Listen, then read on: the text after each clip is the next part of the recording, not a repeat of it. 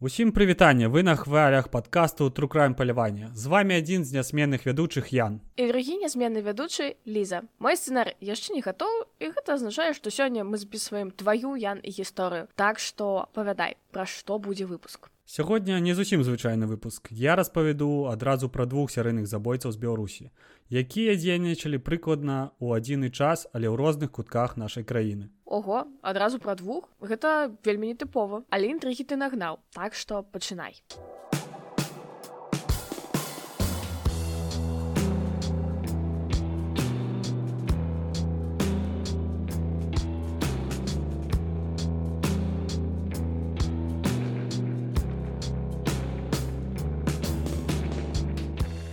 Першая гісторыя будзе звязана зноў жа з віцебскай вобласцю і недалёка ад мясцінаў, дзе забіваў сваіх ахвяраў геннадзь Мехасевіч. Другая гісторыя перанясе нас на захад краіны у гарадзенскую вобласць. Пра першага серыйнага забойцу яго дзяцінства ды агулам аўтабіяграфію вельмі мала вядома. Юрый Курыльскі нарадзіўся ў горадзе Наваполацку. Пра бацькоў і дзяцінства звестак, на жаль, няма. На момант затрымання быў жанаты, меў у шлюбе непаўгадовае дзіця па непацверджанай інфармацыі дачку.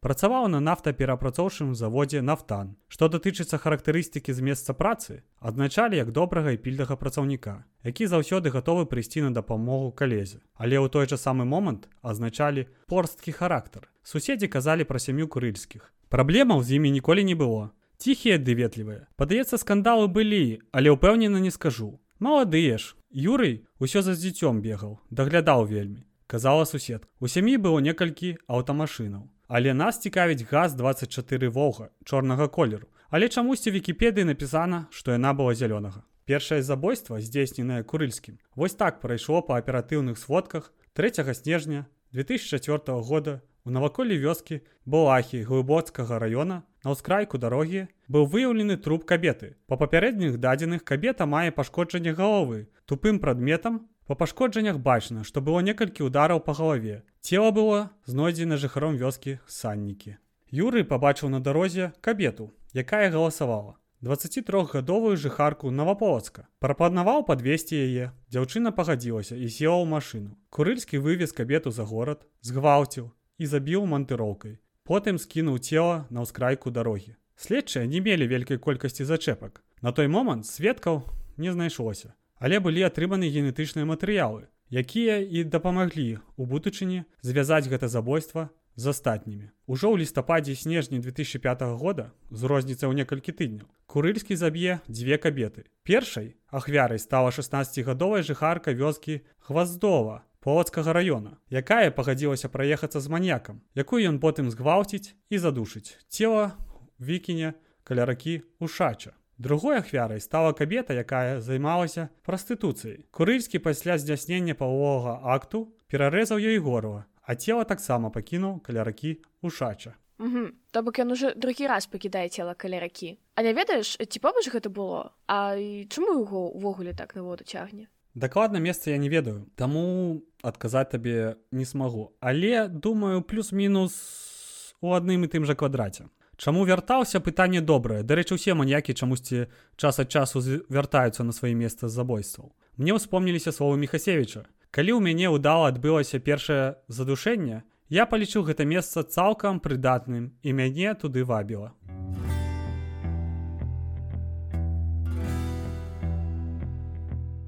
следства ўдалося звязаць гэтыя два забойствы Таму што было усталявана што абедзве ахвяры перад смерцю мелі палавы акт з адным і тым жа чалавекам. Таксама дзякуючы тэсту ДНК удалося даказаць і дачынення гэтага ж чалавека да забойства ў глыбоцкім раёне ў снежні 2004 года. Сяброўка апошняй захвяраў распавяла следству, што бачыла, як знаёмая садзілася ў апошні раз у машыну газ 24 волга чорнага колеру. Падобныя паказанні следства атрымала і ад меркаваных сведкаў забойства ў глыбоцкім раёне. Пасля чаго супрацоўнікі міліцыі пачалі правяраць і дапытваць уладальнікаў машыны маркі газ-24. Асаблівая ўвага была пры апытанні уладальнікаў машыны чорнага колеру. І такім парадкам следчыя выйшлі на Юрыя Курыльскага. Так атрымалася, што сяброўка апошняй забітай дзяўчыны бачыла, як тая на папярэдадні знікнення сядала ў чорную волгу згадвае следчы па найважных справах пракуратуры віцебскай вобласці Яўген гуляю. Пасля таго, як былі правераныя сотні падобных аўтамабіляў, следчым атрымалася выйсці на падазронага, якім апынуўся 27летні навапалачанін Юрый Курыльскі, працягвае следчы. На першым спатканні з следчымі ён хваляваўся, былі відавочныя перапады настрою. Усё гэта насторожыла міліцыянераў, і яны ўзялі генетычныя матэрыялы курыльскага. Тэст ДНК сцвердзіў, што яго матэрыялы былі на ўсіх трох ахвярах. Таму ўжо 25 снежня 2005 года ён быў затрыманы. Амаль праз пару тыдняў пасля апошняга забойства. Падчас вопшуку ў хаце быў знойдзены нож з рэшткамі крыві апошняй ахвяры. Пры даглядзе машыны ГАЗ-24 былі выяўлены сляды крыві першай ахвяры. Хоць іх і спрабавалі замыць. Судебная медыцынская экспертыза прызнала Юрыя Курыльскага прытомным. Ого, няўжо міліцыянты насамрэч добра якасна папрацавалі. Гэта, падаецца, упершыню з беларускімі здараецца. Ну слухай, можна з табой пагазіцца. Таму што, напрыклад, у справе Мранкова міліцыя спрацавала таксама нядрэнна, але гэта адбылося пасля таго, як людзі прыцягнулі ўвагу з мінску. А пра справу Мехасевіча ў часы БССР так і ўвогуле цяжка казаць, бо там усё змешана мне падаецца яшчэ і з палітыкай і з партыяй, Таму што як заўсёды ў тыя часы пяцігодку ў тры гады і таму падобнае.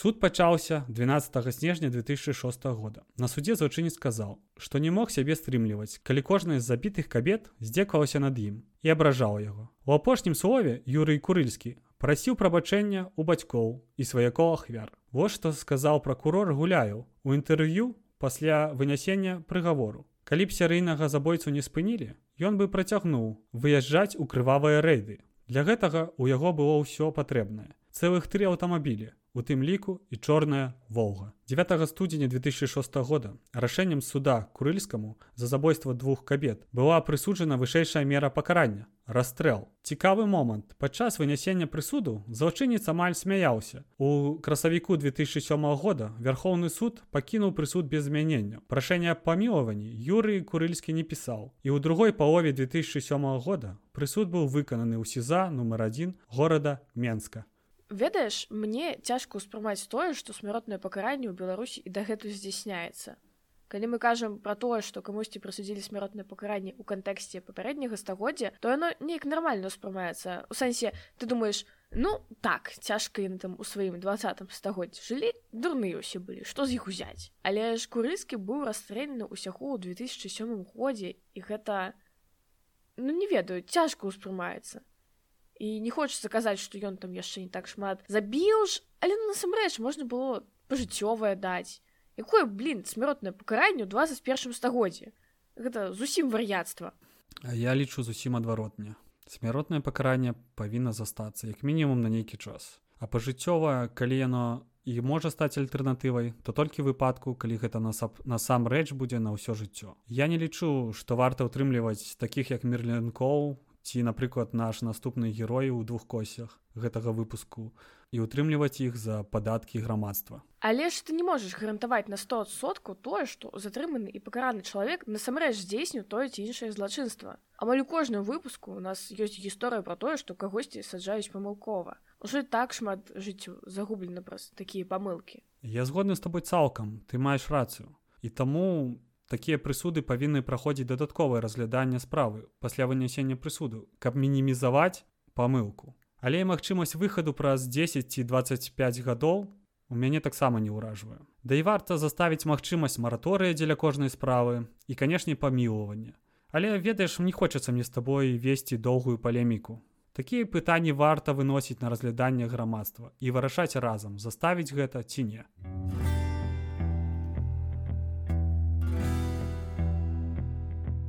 Надышоў час перайсці да градзенскай вобласці. Нашае падарожжа пачынаецца не з забойства, а з крадзежу. Вось так гэта здарэнне прайшло па міліцэйскіх сводках. Паводле аператыўнай інфармацыі 18 верасня 1992 года у калгасе кастрычнік быў учынены крадзеж прыцэпу забегаючы наперад за 14 гадоў злачынстваў будуць рабавацца гаражы выкрадацца аўтамабілі дзеля перапрадажы на запчасткі падчас гэтых крадзежоў злачынец знойдзе паляўнічы карабін пісталлет вальтер pp і некалькі муляжоў гранат. Ужо падчас следчых дзеянняў будуць вызначана сума агулам крадзежу за гэты час 900 тысяч даляраў. Нішто сабе. Гэта ж калі насамрэч настойкі напрадаваць, то як добра жыць можна? Сума вялікая напраўда, але мне падаецца крадзежы разбор аўтамабіляў, ну гэта не робіць адзін чалавек. Мне падаецца хутчэй за ўсё была нейкая прыступная група, з якой ён супрацоўнічаў. Але пацвердзіць сваю інфармацыю на жаль я не магу. Бо ведаеш зусім мала інфармацыі і амаль няма ніякіх крыніцаў, каб пацвердзіць мою думку. Занадта зачынены ў нас крымінальнай справы дзеля грамадства. У красавіку 2000 года злачынец на сваім уласным аўтамабілі возьме падвесці алену болтак. Даехаўшы з дзяўчынай да 76 квадрату шчучынскага лясніцтва, распіў з ёй загадзя падрыхтаваны алкаголь. Пасля чаго вступіў з 21гадовай дзяўчынай у сексуальную сувязь. Потым збіў дзяўчыну. Калі яна страціла прытомнасць, задушыў яе рукамі. Цела абліў бензінам і падпаліў. Забраў упрыгожванні і наяўныя грошы ахвяры. На суддзе забойца скажа: « Я не ведаю, чаму я яе забіў. На вачах проста нейкая пялёнка была. Чаму ён падпаліў цела, Ён адкажа, што гэта быў найлепшы спосаб пазбаўлення ўлік. У чэрвені 2000 года забойца прыйдзе да сваёй любоўніцы 31гатовай святланы пырскай загадчыцы складу на прадпрыемстве гарадзенскі мясакамбінат Дарэчы, там серыйны забойца працаваў кіраўніком службы бяспекі, бо служыў у шэрагах дэпартаменту аховы мус РБ. Пасля спрэчкі з любоўніцай наконт разводу жонкай і як скажа сам забойца, прыпадку гневу і ўплыву алкаголю, задушыў жанчыну каблем ад тэлевізара. Пасля чаго інсцэнаваў самого забойства, павесіўшы жанчыну у ваннай комнаце, не пагрэбаваў забраць наяўныя грошы, якія змог знайсці ў кватэры. Усё ў тым жа 2000 годзе На гэты раз у ліпені маньяк пазнаёміцца з 19гадовай людмілай кодзік. Забойца прапануе дзяўчыне адпачынак на беразе ракі Нёман, на што яна пагаджаецца. Пасля распіцця спіртных напояў яны ўступаюць у паловую сувязь. Пасля чаго злачынец моцна збівае і душыць ахвяру загадзя падрыхтаванай вяроўкай. Цела ахвяры выкідвае ў Нёман, забраўшы наяўныя грошы і торбу разам з ключамі ад кватэры забітай. Кватэру таксама рабуе, дзе крадзе маёмасць, грошы і некалькі ардыноў ветэрана вайны, які раней пражываў гэтай кватэры. У 2001 годзе забойства не адбываецца, але злачынец на службе збівае некалькі грамадзян, якія былі затрыманыя за піццё спіртных напояў у грамадскім месцы. Дарэчы, я тут заўважыла, што дагэтуль ты не назваў імені забойцы. Што з міфічны чалавек такі? Чаму не назваў імя? Ну слухай, гэта такі мой аўтарскі ход. Я паказваю паступова развіццё падзеяў. Яго імя і фамілію мы даведаваемся ў момант, калі яго затрымаюць праваахоўнікі. А, ну тады ладно. яшчэ атрымліваецца, што ён з 92 -го году займаўся выключна рабаваннем. А ўжо ў двухтысячных пасля першага забойства ён выходзіць, як бы так казаць, у смак, бо насамрэч вельмі хуткая серыя атрымалася.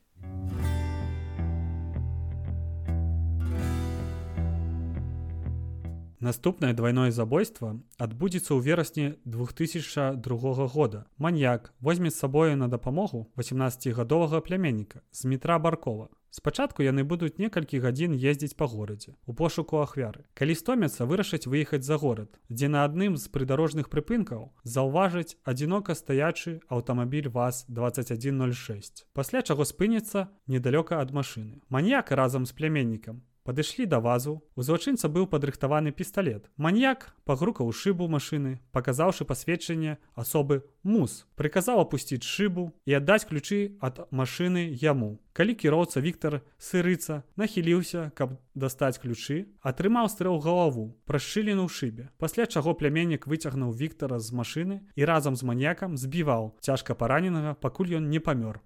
Мне вось цікава, а якім парадкам да яго зацісаўся пляменнік. Яны потом сядзяць такія на кухне і дядька кажа: Ой, зміце, А я ж табе забыўся расказаць. Я тут траіх жанчын забіў. Так класна было, хочаш наступным разам са мной кагосьці забіць. Слухай, магчыма, так все і адбывалася. Дакладна я гэтага не ведаю, Магчыма, гэта ведаюць следчыя з іх паказанняў. Мы з табой можам толькі здагадвацца. Магчыма, ведаеш, сядзелі за кілішкам водкі і гэта развязала язык забойцы. Хто ведае, што ў галовах такіх людзей.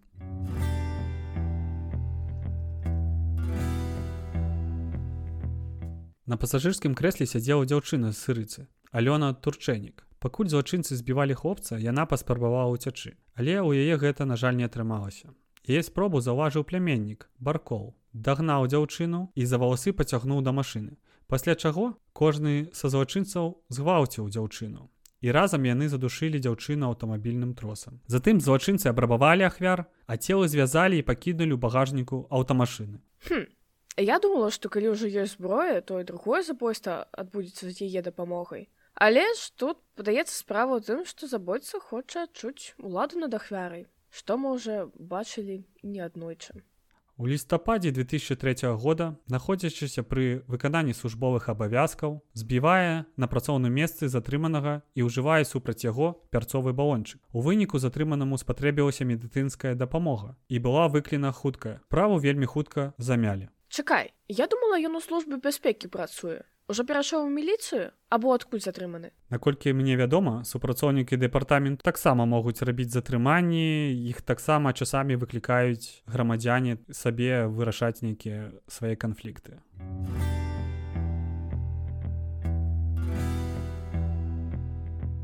У лютым 2005 года маньяк у стане алкагольнага ап'янення паспрачаўся з жонкай і пайшоў да любоўніцы свайго жанатага сябра міліцыянта. Раней забойца разам сябрам распівалі спіртныя напоі ў кватэры Наталлі базіс. Маньяк завітаў у дзень спрэчкі да жанчыны зноў. Праз некаторы час ён яе забіў, згвалціў і задушыў станікам. Цела перанёс у ванну, абрабаваў кватэру і сышоў. А са сваёй жонкай ён увесь гэты час быў. Жонкай ён будзе да канца.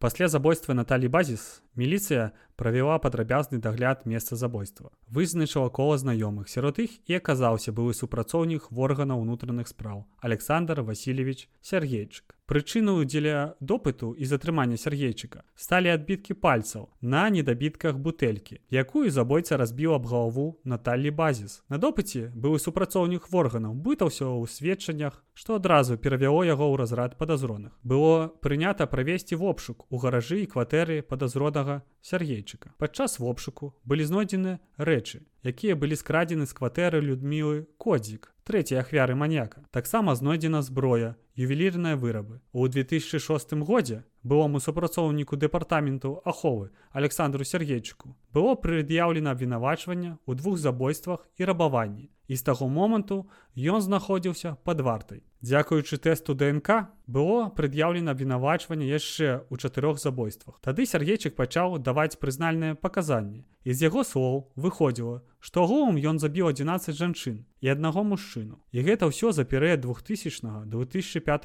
года. Але целы яшчэ пяці ахвяр не былі знойдзеныя. З слоў маньяка кожную з іх ён згвалціў і забіў. Целы спаліў, а рэшткі кінуў у нёман. Так, спіс ягоных злачынстваў, аднак вялікі. Ты так таемніча пачаў повед, што мне думалася, што ахвер там будзе няшмат. А ён вунь як.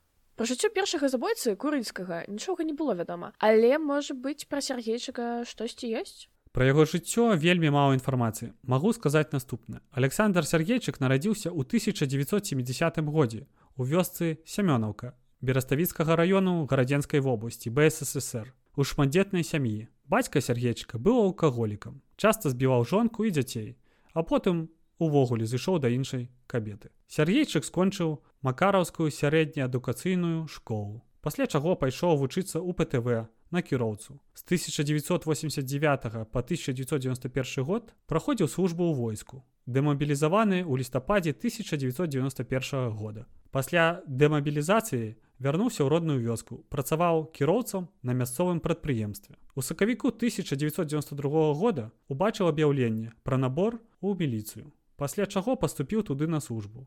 Неўзабаве Сергейчык з адрозненнем скончыў акадэмію МусРБ, ажаніўся, завёў двух дзяцей. Працаваў камандзірам роты гарадзенскага раённага аддзелу дэпартамента аховы МусРБ. Па службе характарызаваўся як адказны і выканаўчы працоўнік на момант арышту меў званне старэйшага лейтэнанту міліцыі.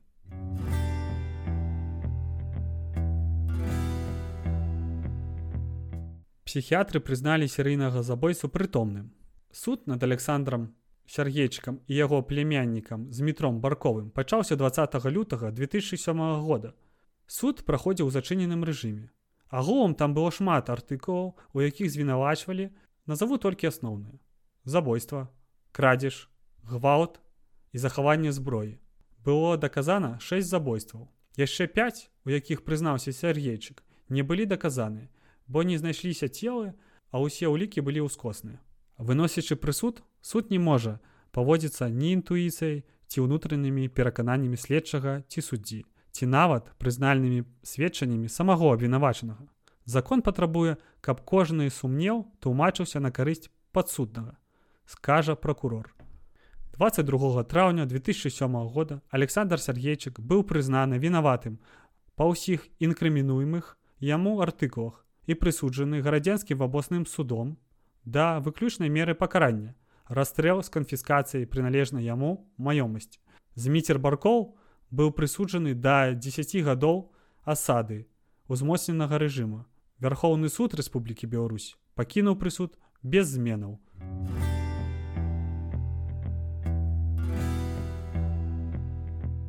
Прысуд абскарджанню і апратэставанню не падлягае. У той момант калі суддзя прамовіў гэтыя словы сваякі загінулых дзяўчын зааплодырвалі а дасведчаны суддзя александр рэйдулін потым прызнаўся што ад хвалявання не мог чытаць прысуд. Зрываўся голас літары расплываліся перад вачыма. Гэта быў першы смяротны прысуд у маім жыцці. 26 лістапада 2007 года прысуд александру сергейчыку быў прыведзены ў выкананне у сталічным сеза нумар один атрымліваецца іх амаль адначасова з курыльскім расстрэльвалі так ведаеш магчыма можа і разам. Таму што калі я глядзеў інтэрв'ю былога кіраўніка сеза нумар адзін горада менску ён успамінаў што часамі расстрэльвалі не аднаго а адразу некалькі падсудных.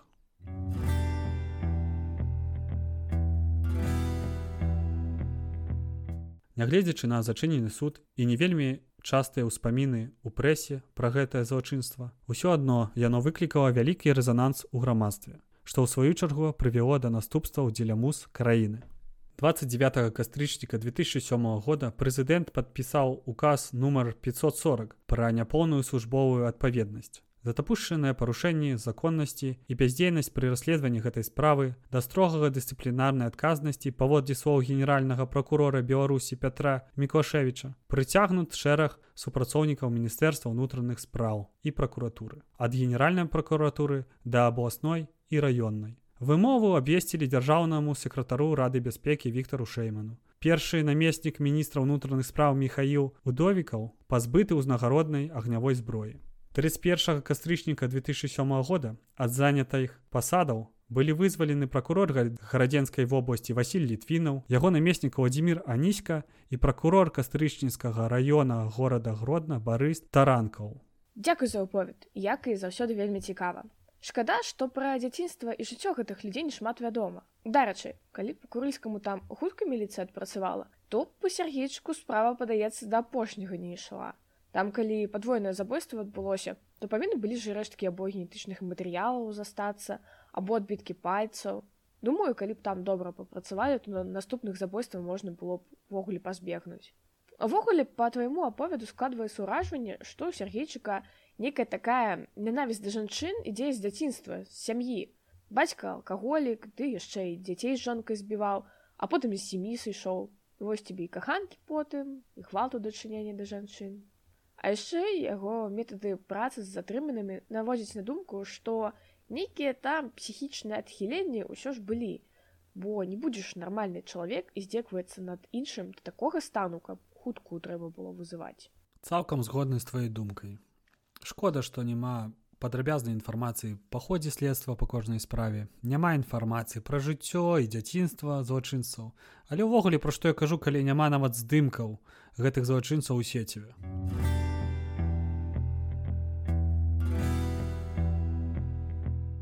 Дзякуй шаноўныя слухачы што праслушалі гэты выпуск і былі разам з намі. Так сябры дзякуй. Не забывайце подписываться на наши сацыяльныя сеткі. Іх як і заўсёды можна знайсці ў апісанні подкаста і да пабачэння! Чакай чакай ліза ты забыла сказаць як заўсёды вялікая падзяка ад нашай каманды каналу мілагучна за тое што даюць лізе мікрафон і мы можемм записывацца разам з ёю. Дзякуй сябры да наступных сустрэч